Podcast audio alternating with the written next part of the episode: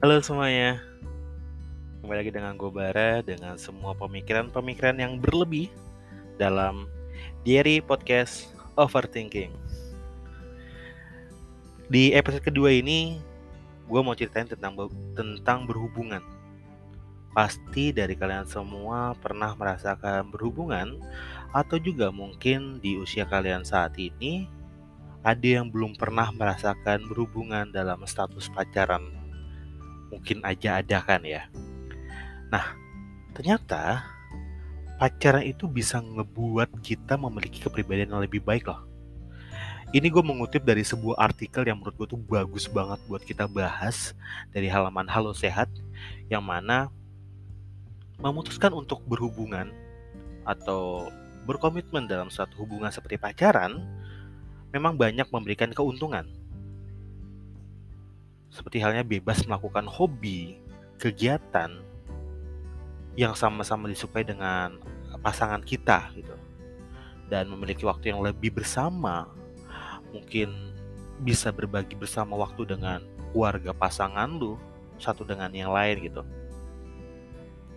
Namun, tahu nggak sih, ternyata menjalin sebuah hubungan dengan seorang atau dengan pacar lu, ternyata juga memiliki manfaat loh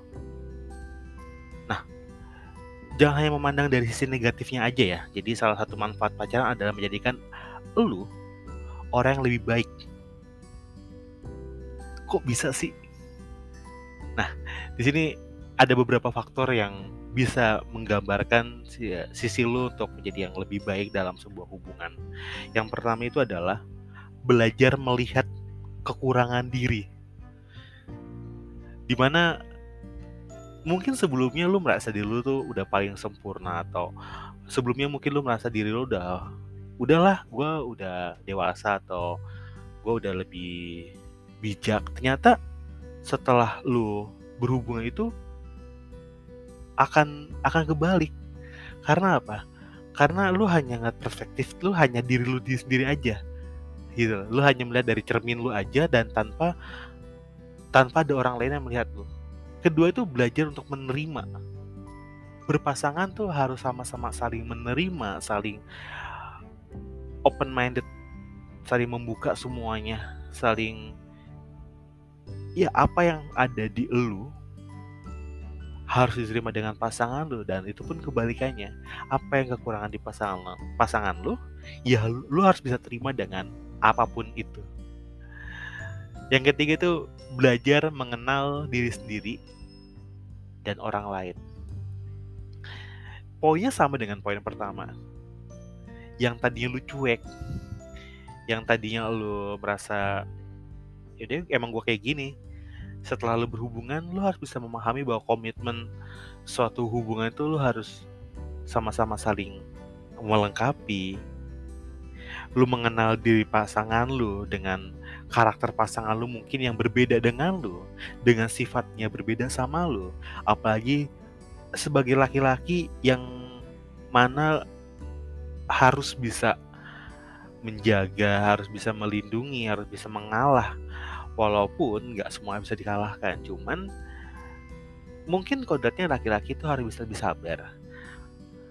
Laki-laki itu harus bisa lebih kayak ngomong ya, bahasa Jawa ngomong karena lu lu saat ini lu melihat orang saat lu bersama dengan orang lain yang mungkin sebelumnya lu gak kenal dia siapa dengan awal PDKT mungkin dia tidak menunjukkan jati dirinya dia seperti apa tapi setelah berpacar berpacaran dengan waktu yang mungkin satu tahun baru ketahuan oh ternyata saat ini pak pasangan gue tuh sifatnya seperti ini ya. Oh ternyata pasangan gue tuh uh, gayanya seperti ini, tingkahnya seperti ini, wataknya seperti ini. Jadi lu harus bisa mengenal diri sendiri lu dan orang lain. Dan oh ternyata gua egois ya. Ketika gua salah, gua nggak mau disalahin. Kadang banyak banyak masih banyak banget orang yang merasa dirinya tuh benar dan nggak berani untuk mengakui kesalahannya dan merasa ya udah aja gitu ya gue nggak gue nggak salah kok gue bener banyak banget orang berhubungan yang mengakibatkan berpisahnya tuh dengan hal-hal ego seperti itu. Lalu yang keempat ini belajar untuk menolak. Mungkin sebelumnya lu nggak bisa menolak, mungkin sebelumnya lu yang iya iya aja dan lu merasa bahwa ya nggak apa-apa. Tapi tanpa disadarin, lambat laun lu akan merasakan bahwa ada beberapa poin atau ada beberapa kasus yang harus lu pahamin di mana lu bisa untuk menolak pasangan lu. Seperti contoh, pasangan lu pengen liburan ke luar negeri dengan kondisi situasi yang saat ini masih belum kondusif, lu bisa menolak untuk jangan dulu ya, karena saat ini masih belum bisa nih untuk keluar-keluar. Apalagi protokol kesehatannya ribet tahu. Kita harus mengikuti protokol swab. Nanti habis dari luar negeri balik lagi ke Indo lu harus uh, stay dulu uh, sebagai uh, masa pemulihan atau masa apa ya pembersihan lah mungkin ya bahasanya itu kan membutuhkan budget yang gak sedikit ya nah ini nih kita tuh harus bisa belajar untuk menolak. Itu mungkin skala besarnya. Skala kecil mungkin simple ya kayak hari ini aku pengen jalan deh. Jalan ke mana ya nggak tahu aku mau jalan aja. Kalau memang lu bisa untuk ya udah deh ayo. Tapi ketika lu nggak bisa lu bisa untuk bilang sorry hari ini gue nggak bisa karena gue banyak kerjaan. Nah itu tuh adalah faktor-faktor di mana merubah diri lu yang awalnya ayo aja ikutin aja cuman gantinya malah jadi kayak menurut gue kayak enakan ya karena gue pribadi pun gue menanamkan bahwa ketika gue bisa gue akan bilang bisa ketika gue bilang ketika gue nggak bisa gue akan bilang nggak bisa dan dari dulu gue sudah menerapkan sistematis seperti itu. Karena buat gue adalah gue nggak pengen adanya nanti ada keterpaksaan di di sebuah uh, hubungan atau mungkin kayak gue nggak mau terpaksa jalan ke mall sama lu. Yang pada gue nggak pengen ke mall. Gue pengen kayak gue pengen aja jalan ke gunung atau gue pengen aja jalan ke pantai tapi lu ngajakin gue ke mall. Gue nggak pengen ada kayak gitu. Nah banyak banget nih. Pasti dari kalian yang dengerin podcast gue ini juga pernah mengalami hal ini nih. Yang mana berpacaran putus nyambung putus nyambung kayak lagunya BBB dalam lika-liku berpacaran pasti akan datang nih satu momen seperti itu keraguan yang ngehampirin lo mengenai hubungan dengan pasangan lo itu. Apakah bener-bener bahagia lo ngejalin hubungan sama dia? Apakah lu bener-bener cinta gak sih? Atau mungkin pasangan lu tuh sayang gak sih sama lu tuh? Pasangan lu tuh cinta gak sih sama lu kok bisa sih kayak gini terus putus nyambung? Sampai nanti lu akan menemukan batas tertentu hal yang wajar dan biasanya hanya akan terpintas sekilas gitu. Cukup menonjol untuk dianggap serius. Namun bagi beberapa beberapa orang hal-hal ini tuh dianggap menjadi sebuah gangguan yang mana gangguan ini dinamakan obsesif kompulsif atau disingkat OCD. Keraguan dari dan ketakutan yang bisa sangat mengaburkan kenyataan sehingga menyebabkan terobsesi dengan terus mempertanyakan apakah pasangan lu cukup pantas untuk lu saat ini atau mungkin mereka adalah benar jodoh lu hidup semati yang dikirim Tuhan. Ya, kita tidak tahu. Nah, gue mau gue mau ngenalin lu nih gangguan-gangguan tentang OCD atau obsesif kompulsif dalam hubungan berpacaran gitu. Untuk gangguan OCD itu adalah suatu gangguan mental yang menyebabkan seorang memiliki obsesi yang berasal dari pemikiran atau perasaan atau mungkin dari beberapa ide atau sensasi tertentu sehingga memicu mereka melakukan perilaku yang sama secara berulang. Jadi ya gitu terus berantem merasa nggak nyaman merasa bahwa nggak nggak sesuai nih sama yang diharapin putus tapi nantinya ketika kangen ketika rindu jalan lagi balikan lagi nah ada beberapa tanda-tanda dampak perilaku dari OCD pada sebuah hubungan apakah pantas gitu menjadi pasangan maksudnya apakah pasangan gue saat itu pantas sama gue bukan sebuah kesombongan untuk memandang rendah orang lain ya, namun lebih kepada keraguan pada diri kita gitu. Lalu meragukan perasaan terhadap pasangan lu. Lu mulai rasa ragu lu tuh mulai membara gitu kayak sebenarnya dia gimana sih sama gue gitu. Dan atau mungkin menilai atau membandingkan tingkat visual atau mungkin eh, kayak penampilan pasangan lu dengan orang lain gitu kayak kok lu nggak kayak dia ya? Atau mungkin kok lu nggak bisa seperti dia gitu? Ada juga yang kayak mempertanyakan seberapa besar pasangan lu menginginkan menginginkan lu gitu.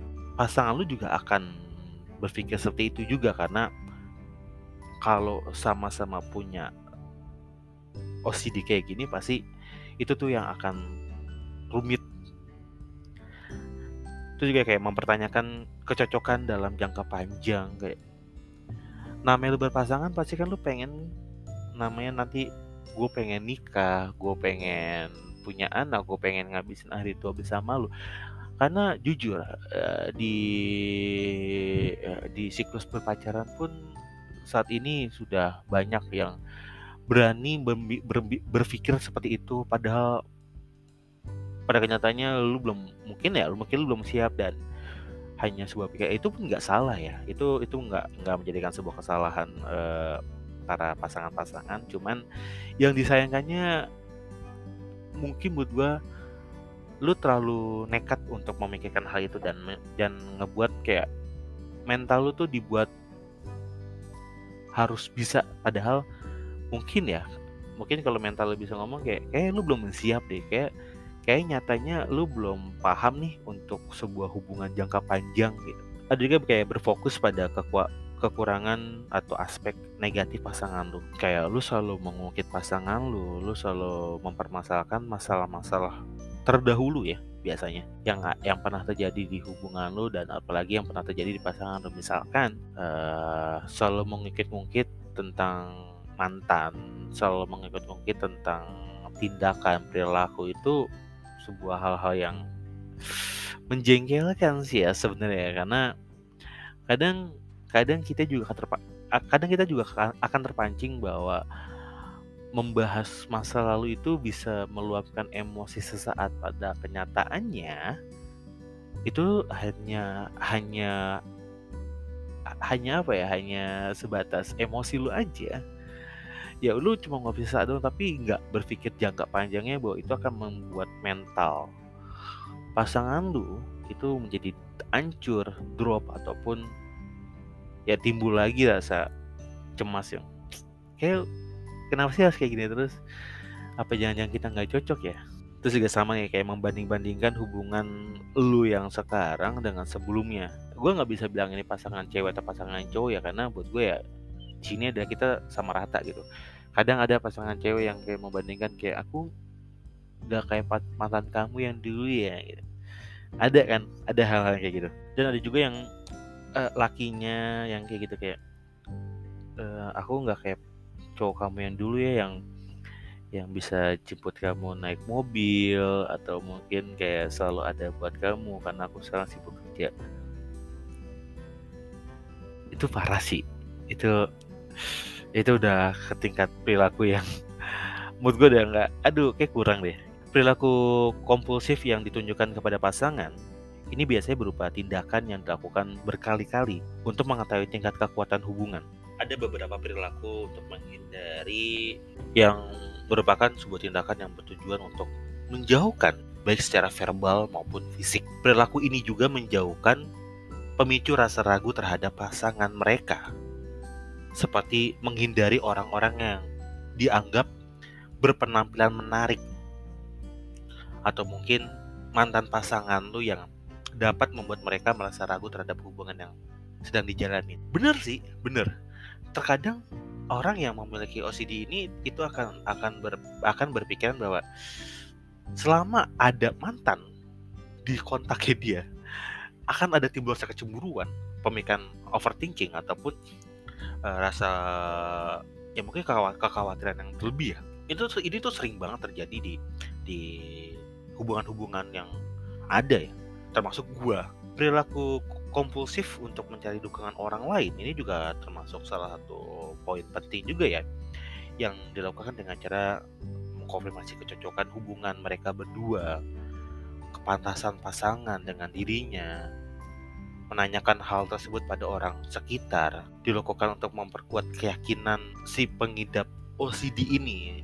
Mungkin zaman sekarang tuh banyak ya orang tuh uh, punya teman curhat ya kayak ya mungkin laki-laki punya teman curhat sama laki-laki ataupun perempuan juga punya teman curhat perempuan yang karena selama ini gue tuh nggak pernah yang menganjurkan temen gue untuk kayak udah tinggalin aja sih. Alhamdulillahnya teman dekat gue pun juga nggak pernah yang sampai kayak kayak emang lu gak cocok sama dia dan lu tinggal aja enggak dia dia uh, teman-teman gue dan gue pun juga lebih ke ngebuat pemahaman yang ini loh efek buruknya, ini efek baiknya. Lu lu harus memilih. Bukan bukan gue yang memilih tapi lu. Atau uh, ya misalkan gue bercerita dengan temen gue tentang pasangan gue, misalkan gue menghadap OCD, terus temen gue temen gue akan menginformasikan bahwa ini ada poin A, ini ada poin B. Lu pilih, lu mau yang mana. Temen gue gak punya hak untuk memutuskan satu pilihan yang menurut dia baik tanpa dipahamin menurut orang lain itu tidak baik itu, itu hal-hal yang buat gue kayak kurang aja sih di sini juga ada perilaku berulang semata dilakukan untuk mengatasi beban stres ataupun mental akibat gejala dari OCD tersebut ya. Ya setiap perilaku berlebihan yang dilakukan eh, si pengidap OCD ini memiliki dampak jika terjadi pada hubungan maka akan menyebabkan kesalahpahaman dan konflik antar pasangan yang bisa berujung pada ya putus. Dan mereka juga cenderung merasa bersalah akan perilaku atau pemikiran dan perasaan yang dialaminya. Namun cenderung diulangi lagi ini sering banget ini sering banget terjadi sama pasangan-pasangan muda zaman sekarang. Iya gue bilang juga gue pernah gue juga malam mengalami hal tersebut gitu. Pasangan gue uh, pasangan gue sering marah-marah nggak jelas mempermasalahkan yang menurut gue nggak nggak perlu dipermasalahkan terlalu besar. Sampai akhirnya kita putus dan dia menyadari hal itu nggak baik. Namun masalah itu diulangin lagi sama dia cara itu diulangi lagi sama dia. Terus-terusan seperti itu. Ini bisa dibilang mungkin ya kayak kalau dari cerita gue gue dengan pasangan gue mungkin sama gue menyadari bahwa kayak gue gue juga pengidap OCD yang berlebihan seperti itu. Dan gue pun juga sering mengalami hal itu yang buat gue kayak gue sadar bahwa gue salah ya kenapa gue mengulangi hal ini terus ya terkadang itu harus dipahami lebih dalam sih sebenarnya. Tapi bagi mereka tuh pengulangan ini tuh bukanlah kesengajaan